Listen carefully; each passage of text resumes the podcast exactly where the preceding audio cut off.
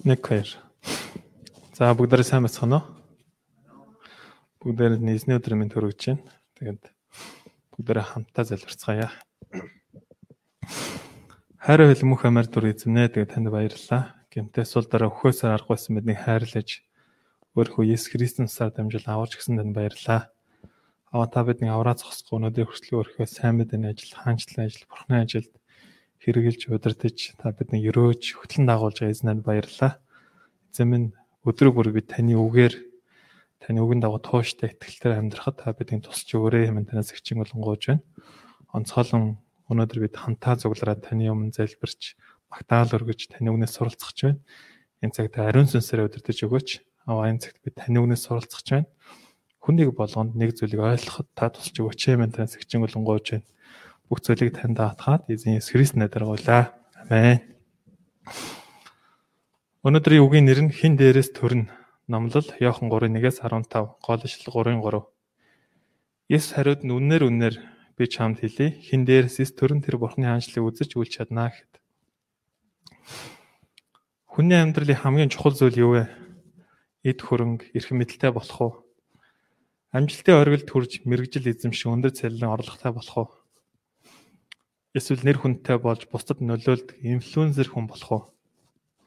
Мөн сайн эцэг их болж анз жаргалтай гэр бүлийг байгуулах уу? Мэдээж эдгээр зүйлс нь хүний амьдралын чухал зүйлсүүд. Гэхдээ үүнээс илүү хамгийн чухал зүйл бидний амьдрал байдаг. Тэр бол хүн дахин төрж мөнх амьтаа болох явдал юм. Өнөөдрийн үгэнд хэрхэн мөнх амьтаа болох замыг замыг бидэнд заа өгч байна. Бид мөнх амьтаа болох гэвэл дээрээс дахин төрөх ёстой. Дахин дөрөх үйл явдал бол хамгийн гайхамшигтай, хүнд ч хэрэгтэй хамгийн бодит чухал зүйлийн нэг билээ. Энэ дэлхийд хүн төрөхтөө, хүн төрөхтөө мах бодоор ихэн хөвлөгөөс шинээр төрдөг шиг хүн сүнсээр буюу дээрээс дахин төрөх хэрэгтэй юм. Хүн сүнсээр дахин төрөх тухайн хүн уг үнсээр шинжлэгдэн өөрчлөгдөж, гими харалбаа мөнхийн сэтгэлээс чөлөөлөгдөн амьдардаг. Мөн үүнээс гадна энэ дэлхийд амьдрах хугацаанд Бурхны үгтээ онцгой ивэл баярхийг эдлэн утга учиртай үнцэнтэй нандин амьдралаар амьдардаг юм. Өнөөдрийн номлолд энэ дэлхийд бүх талаараа амжилтанд хүрсэн боловч мөнхийн аймыг олоогүй Никодемд хүн яагаад хэрхэн дахин төрөх ёстой нууц царгыг Есүс заа өгч байна. Өнөөдрийн өгөөд дамжуулан сүнсээр хэрхэн төрхийг дахин сурч чадахыг хүсэн гооч байна. 1. Дээрээс төрөх ёстой. 1-ээс 8 доошлол. Одоо бүгд нэгдүгээр шлийг үзээрэй. Фарисеучуудын дунд евдээчүүд удирдаг, евдээчүүдийн удирдагч Никодем гихч хүн байлаа гэж байна. Энд Никодемийн шашны бол нийгмийн байр суурийг тодорхой харуулж байна. Тэрээр фарисей тухайлбал евдэн шашны удирдагч хүн байсан. Фарисей гэдэг нь тусгаарлагдсан хүн гэсэн утгатай. Фарисеучуд нь хариу үндэсний соёлд уусалгүй. Бурхны сонгосон арт түмнийг цэвэр чанарыг хадгалахын тулд хуулийг чанд сагснаар жирийн иргэдээс ялгаатай амьдардаг бүлэг хүмүүс байсан. Тэд хуульж үнэн тэд хуульд үнэнч зүтгэлтэй тул арт түмний дунд өндөр нэр хүндтэй хүмүүс байсан. Тиймээс тухайн үеийн фарисей, тиймээс тухайн үед фарисей хүн болох гэвэл амаргүй байв. Тэд бага наснаас хатуу сахилгачуудлаар Мосегийн таман навыг бүгдийг цээжлэн уншиж, хуулийн ном болох Мишема болон тайлбар ном болох Талмуд зэргийг судлан үздэг байв. Мөн 7 хоног бүр 2 удаа мацаг барин өдөрт 3 удаа биеийн ариус сул ёслыг үйлдэх мэт хатуу чанга дэглэмүүдийг сахих ёстой байдаг байсан. Фарисей бүлэглэлд орохын тулд насан турш хуулийг сахина гэсэн тангарыг хүртэл өргөдөг байв. Ч гэсэн энэ мэд фарисей болохын тулд хар багаас хатуу сахилгадаа сургагдаж хүний амьдрал ямах бодийн хүслийг үүсгэн хичээнгүй тэмцэн амьдрсан магадгүй. Мөн түүнийг евдээчүүдийн удирдагч хэмээн хэлсэн. Тухайн евдэн хамгийн дээд засаглал нь Санхедрины 70 гишүүний зөвлөл байсан. Энэхүү хурал дээр бүх дэлхийд даяар буй евдээчүүдийн шашны асуудлыг шүүх эрх бүхий хүн цаазаар хүртэл ял оноох хэрэгтэй зөвлөл байв. Энэхүү санхинарын зөвлөлийн гишүүн болох гэвэл удам мөхсаа сайтай эрдэм мэдлэгтэй хүн байх ёстой байдаг байсан. Мөн эд хөрөнгөтэй баян байх шаардлага хүртэл тавьдаг байв. Никодем энэ бүх шаардлага ба боллыг хагасан учраас энэхүү 70 гишүүний нэг нь хүртэл байсан. Мөн Иохан номын 19:39-с үзвэл Никодем баян хөрөнгөтэй хүн байсан гэдгийг хүртэл бид мэдэж болно. Никодем гэдэг нь байлдан дагуулагч гэсэн утгатай. Мадуу тэрээр өөрийнхөө нэрний утга шиг энэ дэлхийн бүхэл зүйлсийг байлдан дагуулсан амжилтанд хүрсэн хүн байсан. Тэр хамгийн дээд зэрэглийн эрдэм мэдлэгтэй, эрх мэдэлтэй, байр суурьтай хөрөнгө чинээ хүн байв. Ийм түүний хар бол өөр түүнд юунч хэрэггүй мэт санагдахаар амьдарч байсан байх. Гэвч ийм Никодем нэгэн шөнө Есүсийг хайж түүнтэй уулзахаар ирсэн. Тэгвэл тэрээр яагаад Есүс дээр ирсэн болов? Өөрийн нийгмийн байр сууриас болж хүмүүсээс хүмүүсийн нүднээс айсан болов? Эсвэл өдрийн цагаар дэндүү ажилттай байсан болов?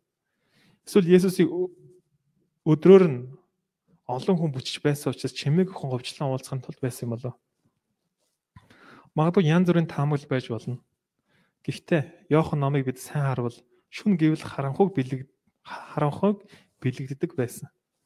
Энэ нь магадгүй Иохны дотор шүн мэд харан Никодемын дотор шүн мэд харанхуй байсныг харуулж байна. Энэ нь түүний сэтгэл сүнсэнд ямар нэг шийдэгдээгүй асуудал байгааг бидэнд зааж байгаа юм. Никодемийн гадна байдлыг харуул ямар ч асуудал байхгүй дутах зүйлгүй ямар азтай хүн бэ хэмээн олон хүмүүсийн атаархлыг төрүүлэн багтан бишрлийг хүртэл харан харуулan амьдарч байсан. Гэтэл түүний дотох нь гаднах шиг гаднахтайгаа адилгүй байсан бөгөөд түүнд асуудал байсан. Тэр өөрийн хүссэн эд баялаг, нэр төр, эрх мэдэл, мэдлэг боловсролыг эзэмсэн ч жинхэнэ сэтгэлийн амар тайван ба баяр хөөргийг олж чадаагүй. Харин ч амжилтын дараа ирдэг хоосон санаа зөвхрөл өөрийг нь нөмөрсөн. Хүмүүс ер нь аз жаргал ба амжилтыг шууд холбож амжилтын тэр чигээрээ аз жаргалтай баяр хөөртэй болгоно хэмээн андуурж боддог. Тиймээс амжилтанд хүрэхийн төлөө хичээнгүлэн зүтгэж тэмцэлдэн амьдардаг. Харин энэ маш том эндүрэл билээ. Амжилт хүрсэн хүмүүс нийлэх тал нь тэд бүгдээрээ хоосон сэтгэлд автагддаг. Тиймээс зарим Нобелийн шагналд хүрсэн хүмүүсийн дунд амиа хүртэл хорлож амьдралаа эмгэнэлтэйгээр дууссан тохиолдол цөөнгүй байдаг. Уран зохиолын Нобелийн шагналд хүрсэн Жорж Бернанд хэмээх хүн ийхүү хэлсэн байна. Амьдралд хоёр эмгэнэлтэй зүйл байдаг. Нэг нь сэтгэлийн хүсэл буюу болох нөгөө нь тэр хүслийг биелүүлэх. Мөн хүнд хоёр янзын зөвхөрл байдаг. Нэг нь ялагдл хүлээх үед ирдэг шантрал, нөгөө нь амжилтанд хүрэх үед ирдэг шантрал. Харин эндээс хамгийн аимшигтай шантрал нь хоёр дахь буюу амжилтанд хүрсэн хүрсний дараа ирдэг шантрал хэмээн хэлжээ. Никодем амжилтын оргил хүрснийхаа дараах шантрал түүнийг зовоож байсан юм шиг байна. Тиймээс тэр шөнөөр ч гэсэн Иесусыг хайн түүн дээр ирсэн. Тэрээр Есүст ийхүү хэлв. Раби, таны Бурханаас ирсэн гэдгийг багш гэдгийг би мэднэ. Учир нь Бурхан та хамт байхгүй бол хинч таны үйлдэл тэмдгүүдийг үйлдэж үл чадна хэмээсэн. Никодем Есүсийг Иерусалимд олон тэмдэг ба гайхамшигыг үйлдсэнийг харсан. Тиймээс Никодем өөрийн шийдэж чадахгүй байгаа асуудлыг Есүсийн үйлддэг тэмдэг ба гайхамшигаар дамжуулан шийдвүлэхийг хүссэн байж магадгүй. Харин ийм түнд Есүс юу гэж хэлсэн бэ? 3 дахь эшлэлд. Үннээ үнээр би чамд хэлье. Хин дээрээс төрн тэр Бурхны хаанчлалыг үзэж чадахгүй юмээс. Есүс Никодемыг хараад түүний үндсэн асуудлыг маш сайн мэдсэн. Есүс түүний хүрсэн амжилт ба гавьяан түүнд ямар ч баяр хөөр сэтгэл ханамжийг өгөхгүй байгааг шууд мэдсэн. Харин ч үүнээс болж улам хоосон санаа ба шантралд автагдж байгааг мэдэв. Энэ бүхний үндсэн гол шалтгаан нь түүний сэтгэл сүнсэнд Бурхны хаанчлал ба мөнхийн амийн бат итгэл байхгүй байгаа гэдгийг мэдсэн юм.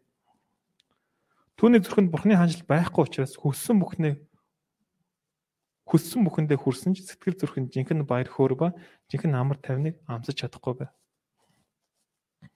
Сэтгэл зүнсэнд Бурхны хаанчлал байгаа байхгүй хүмүүсийн хооронд маш том ялгаа байдаг. Бурхны хаанчлалыг амсан амьдарч байгаа хүн нь хэцүү ширүүн энэ дэлхийн амьдралд амьдарч байгаа ч үгээр илэрхийлэх сүнсний амар тайван баяр хөөргийг идэлэн амьдардаг. Хэцүү асуудал тулгарсан гэсэн гуниг шантгалыг даван туулж хүсэл найдар урам зоригоор дүүрэн амьдардаг. Хоосон санаа бол муухай зайд автдаг автахдахаа болж өөдрөг эрч хүчтэй амьтаа амьдардаг юм. Бурхны хаанчлалыг эдэлж байгаа учраас ямар ч үед баярлан талархан амьдардаг. Нөхцөл байдлаас үл хамааран хаанч байсан Бурхны хайр ба хүч чадлыг амсан амьдардаг үлээ. Харин Бурхны хаанчлал зүрхэн сэтгэл нь байхгүй хүмүүс нь хичнээн амттай хоол идэж хитэ хичнээн хүссэн зүйлээ авсан ч гой ганга хувцас өмссөн ч дутах зүйлгүй тансаг орчинд амьдэрсэн ч тавд байгаа мэт санаа зовөр айц гуниг шантралдор дүүр амьдардаг. Тиймээс ямар ч хүн Бурхны хаанчлалыг зүр сэтгэлдээ хүлээн авч Бурхны хаанчлалд орох гэвэл заавал дээрээс дахин төрөх ёстой билээ. Тэгвэл хүн хэрхэн дээрээс дахин төрч чадах вэ? 4-6 дугаар эшлэгийг үзээрэй. Энд Есүс Никодемд яагаад дээрээс дахин төрөх ёстой вэ гэдгийг заан өгж байна. Гиш Никодем үнийг огтхонч ойлгоогүй. Дөрийг үзвэл тэрээр настай болсон хатлаа хин хэрхэн дээрээс төрөх билээ. Хүн ихийн хөвлөд хоёр дахь орж төрж чадна гэж юу хэмээн Есүс хэлсэн. Никодем уг нь хуулийн өндөр мэдлэгтэй фарисеун хүн байсан ч сүнсний ертөнцийн талаар огт ойлголгүй ойлголтгүй байсан. Учир нь тэр зөвхөн мах бодийн зүйлсийг л бодож байсан. Хүн сүнсээр дахин төрөх бол мундаг мэдлэг ба ухаантай шинжлэх ухаанч академич хүн байгаад ч бурхны сүнслэг ертөнд бурхны сүнслэг ертөнцийн зүйлсийг ойлгож чаддаггүй. Тийм Никодем дахин төрөхийг биологи үүднээс ойлгоод Иесусийн үгийг ойлгож чадахгүй байсан. Иесус ийм түнд хүн хэрхэн тархин төрхийг тайлбарлаж өгсөн. 5 дугаар эшлэлд Үннээр үннээр би чамд хэлье хэн ус болон сүнсээс эс төрн тэр нь бурхны хаанчлалыг хаанчлалд орж үлж чадна гэв. Эндээс ус нь хүн өөрийгөө гинтэ гэдэг хүлээн зөвшөөрч даруй сэтгэлээр гимшиг хэлж байгаа. Сүнсэнс гэдэг нь үнний сүнс болох хариун сүнсийг бидэнд заан өгч байна. 1-р Петр номын 1:23-д инхүү хэлсэн. Бид дахин төрсөн нь устдах үрээс бус харин үл устдах бурхны амьд үгээс болсон юм хэмээлжээ. Мөн Яаков Яаков номын 1:18-д тэр биднийг үнний үгээрээ төрүүлөө хэмээлсэн. Тэгэхээр хүн дахин тэгэхээр хүнийг дахин төрүүлдэг зүйл нь бурхны амьд үг ба үнний ариун сүнс гэдгийг бид нар энэчнээс мэдж болно. Яагаад гэвэл хүн бурхны үгээр дамжуулан өөрийгөө мөнхийн шийтгэл авахаас аргагүй гэмтэн нэгэн байна гэдгийг олж хардаг. Ийм хүн даруй сэтгэлээр бурхны өмнө очин чин сэтгэлээсээ гимэг гимшдэг. Энэ үед үнний ариун сүнс тухайн оны сэтгэл сүнсэнд ажиллаж хүн өөрийгөө хизэж аварч чадахгүй гэмтэн байна гэдгийг харж намайг аврагч нь зөвхөн Иесус бурхны хүү байна гэдгийг ойлгон хүлээн зөвшөөрдөг. Тэгээд Иесусыг өөрийн аврагч эзэн буй Христ хэмээн хүлээн зөвшөөрдөг. Энэ үед хариун сүнс өөрийн хүч чадлаар тухайн үнийг шинчлэн аажим аажмаар өөрчилдөг. Тиймээс энэ бүгдээс харуул дахин төрүүлэх ажил нь Зөвхөн ариун сүнсээр хийгдэх бурхны ажил гэдгийг бид мэдж байна. Би анх өөрийгөө бусдад үеийн янз бүрийн гимиг үлдэг найзуудтайгаа харьцуулан би ер нь гимгүү зөвхт гайгүй залуу гэж өөрийгөө боддог байлаа. Гэвч цуглаан дэрч нэг нэгний библийн хичээлэн бурхны зарлиг ба амийн үгээр дамжуулан ямар их гимтэй хүн бэ гэдгээ гэдгийг хүлээн зөвшөөрсөн. Тэгэд ий намайг аврахад Есүс ирсэн байднаа гэдгийг ухаарсан. Тэр үеэс хойш Есүсийг өөрийн амьдралын аврагч эзэнээр хүлээн зөвшөөрч итгэн дагах дагсан. Би Есүсийг ботор хараагүй. Гэхдээ Бурхан надад амийн үг ба зарилгаа дамжуулан ариун сүнсний хүчээр миний сүнсний нүдийг нээж Есүс Есүсийг итгэлээр харах боломж өгсөн юм. 6 7 дугаар ишлэгийг үзээрэй. Махан биеэс төрсөн махан бие сүнснээс төрсөн сүнс билээ. Чи дээрээс төрөх ёстой гэж би чамд хэлсэн бүү гайхаа хэмээн хэлж байна. Энд махан биений зүйлс болон үйлс хизээч ариун сүнсний ажлыг олж ухаарж харж чадахгүй гэдгийг бидэнд хэлж өгч байна. Тухайлбал хүнийг дахин төрүүлэх ажил нь хүний ямар ч махан биеийн хүч чадал, хичээл зүтгэл гэх мэтийн оролцоо нөлөөлж чадахгүй гэсэн утгатай. Мах бодийн ажил үүснэ хичнээн агуу мундаг байсан ч тэдгээр нь мах бодийн төдий зүйл юм. Харин сүнсээр төрөх нь мах бодийн амьдралаас тис өөр зүйл билээ. Энэ мэд сүнслэг зүйлийг ярих үед Никодем Есүсийг гайхшир хүлээн зөвшөөрч ойлгож чадахгүй байсан. Ийм түнд Есүс дахин ийм түнд Есүс дахин төрүүлэх ариун сүнсний ажлыг салхитай зүйлэн амхнаар зааж өгөхийг хүссэн. 8 дугаар ишлэлд салхи дуртай газараа үлээдэг чи дууган сонсож салхийг хаанаас ирж хааш оддгийг мэдгүй. Сүнсээс төрсөн хүмүүрэл ийм байдаг хэмээн хэлжээ. Бид бүхэн сайн мэднэ. Салхи нь дуртай газараараа үлээдэг бид хаанаас үсээд салхийг хаашаа одож байгааг бид мэддэггүй. Мөн хүний хүч чадлаар салхийг бид жолоотож удирдах чаддаггүй. Үүнчлэн ариун сүнсний ажил нь ариун сүнс өөрийн хүсэл ба таалал эрх мэдлийн дагуу ажилдаг үлээ. Мөн салхийг бид харж чадахгүй. Харин салхи салхисан газар үлдээсэн бодит үр дагавар хор уршгаар нь дүгнэн мэддэг. Үүнчлэн ариун сүнсний ажилч гэсэн үр жимсээр нь танин мэдэгддэг үлээ.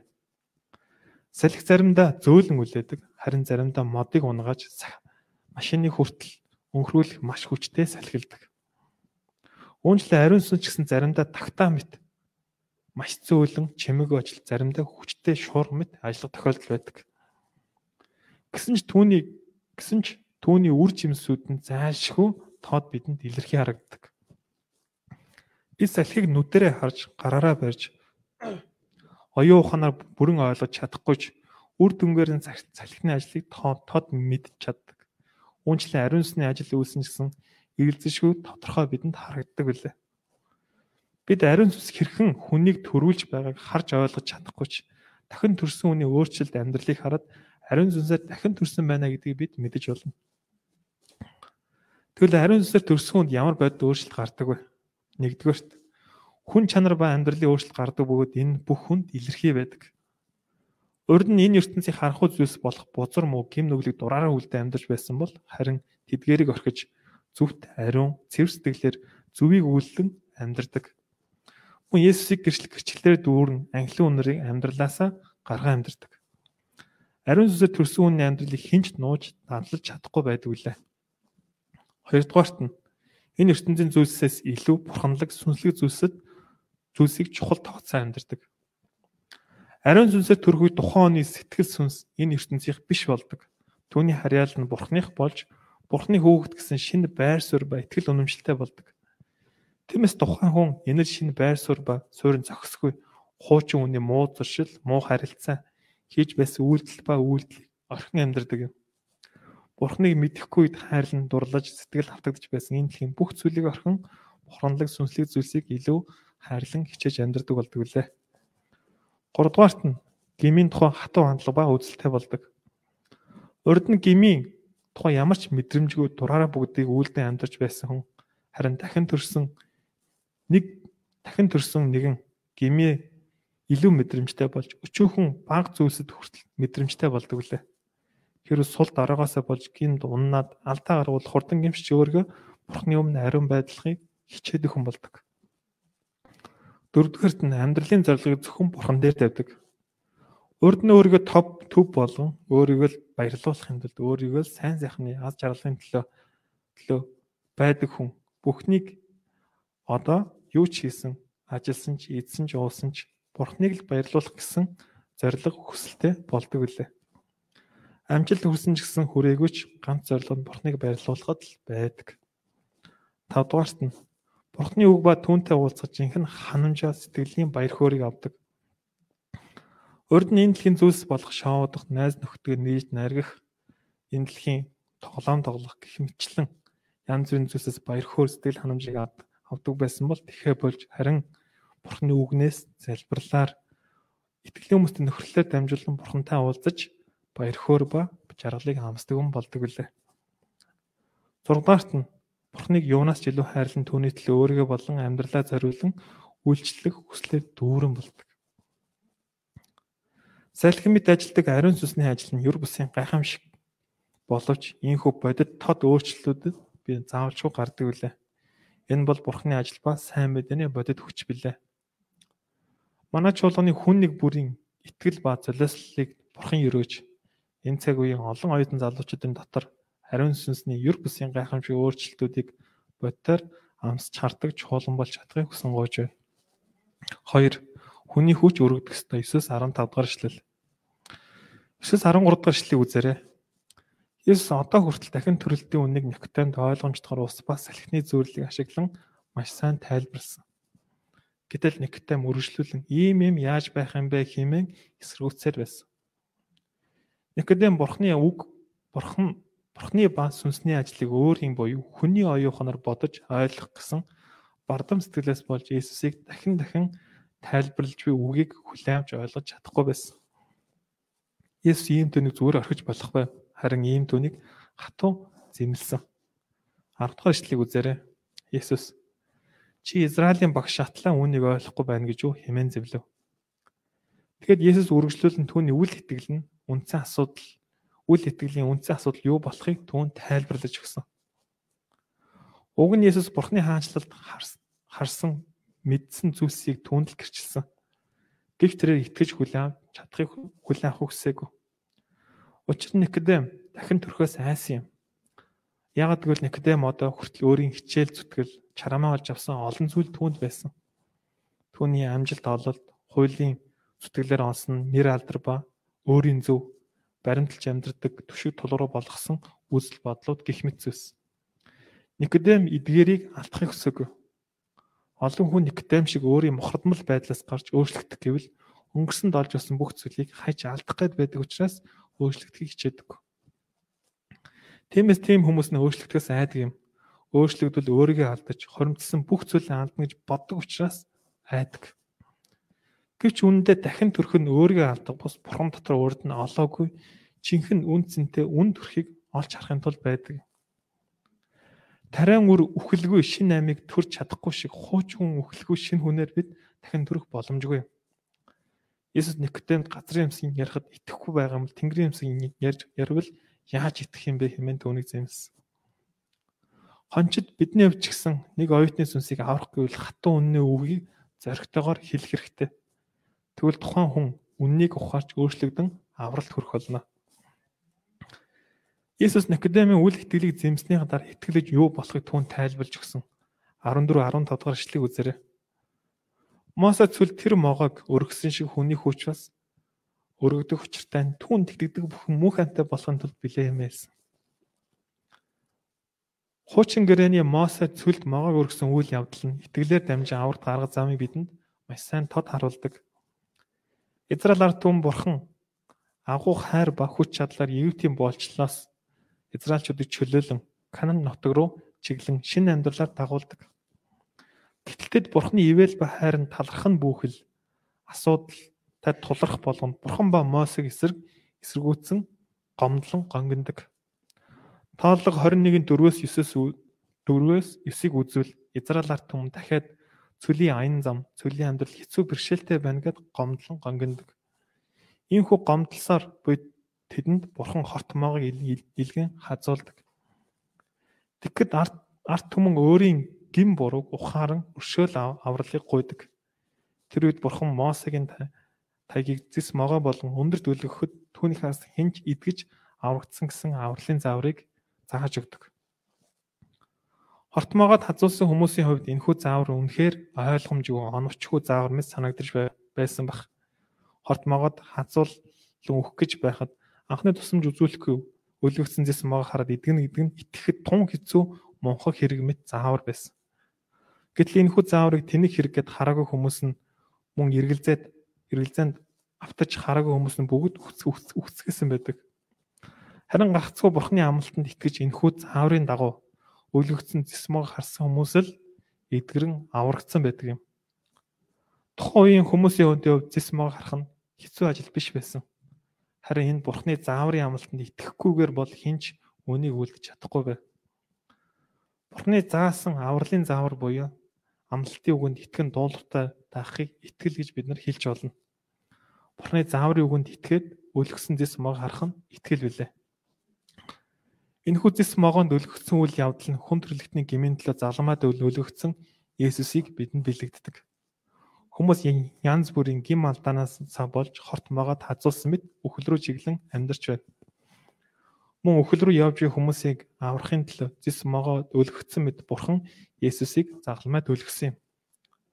Зэс могоог харсан хэн боловч авраг аврагдан идэгч байсан шиг Есүсийг итгэлээр харж гимтээ миний төлөө залмаадаа өгүүлсэн Есүсийг харах хэн ч гэсэн авардаж мөн хамиг авч чадна. Энэ цагт Бурхан бидэнд өгсөн авралын зам заавар буюу дахин төрөх аргыг замыг итгэлээр хүлээн авснаар шинэ хүнээр дахин төрч чадахыг хүсэн гооч байна. Сүүлийн үед Монгол болоод дэлхийд даяар тархаж буй коронавирусээс болж хүмүүс бидэнд хүмүүс бид хортмоогоо тазуулсан мэт өхмөл амьдарч байна. Зарим улс оронд өргөн хэрэглээний бараа бүтээгдэхүүн юмны өмнө хурцтай өсөж зарим усад хүний хомсдол бий болж эдийн засгийн хямрал нүүрсээр. Монгол коронавигийн өвчлөл буурахгүй нас баралт нэмэгдэж сүүлийн үед коронавигийн өвчлсөн хүмүүсийн хүндрэх тохиолдол маш их байна. Энэ жил 19 жилийн турш сахарын өвчтөйгөө тэмцэлдэж амьдарч байсан хүн корона туснаас болж нэг хоногийн дотор нас барсан тохиолдол Монгол гарсан. Үн саяхан бидний таних нэгэн 40 гаруй насны идэр ах коронавигийн өвчлөөс болж энэ хорвоо өргсөн. Энэ мэд коронавигийн нөлөө мэдээ барин тохиолдлуудыг харуул өөрийн ирэхгүй бидний зүрх сэтгэл айцсыг өгч биднийг хүлж юу ч хийж чадахгүй өгсөн хүмэд болгож байна. Унтаас ирэхэд бидэнд бодод төсөөлж байгаагүй зүйлсийг корона өгсөөр байна. Ийм үед бид юу хийх вэ? Ийм үед бид юу хийж чадах вэ? Магадгүй бидний амьдрал тохиолдож тулгарч буй альва зүйлсийг хүний оюухнаар ойлгох гэж хичээл бид чадахгүй. Магадгүй бид улмал мухралд хүрэх болно яг л Никодем шиг. Харин бурхан энэ цагт бидэнд Мосе цөл тэр могоо өргөсөн шиг хүний хүч бас өргөдөг учиртай. Түүнд итгэдэг бүхэн мөх хамтаа байг болох болно хэмээн хэмээх зарлигийг бидэнд өгч байна. Өөрөөр хэлбэл загалмайд бидний гмийн төлөв өргөсөн Есүсийг хараараа гэсэн энгийн зааврыг бурхан цагт бидэнд өгч байна. Магадгүй ийм үед энэ заавар нь тэнэг ойлгомж юмд санагдаж магадгүй.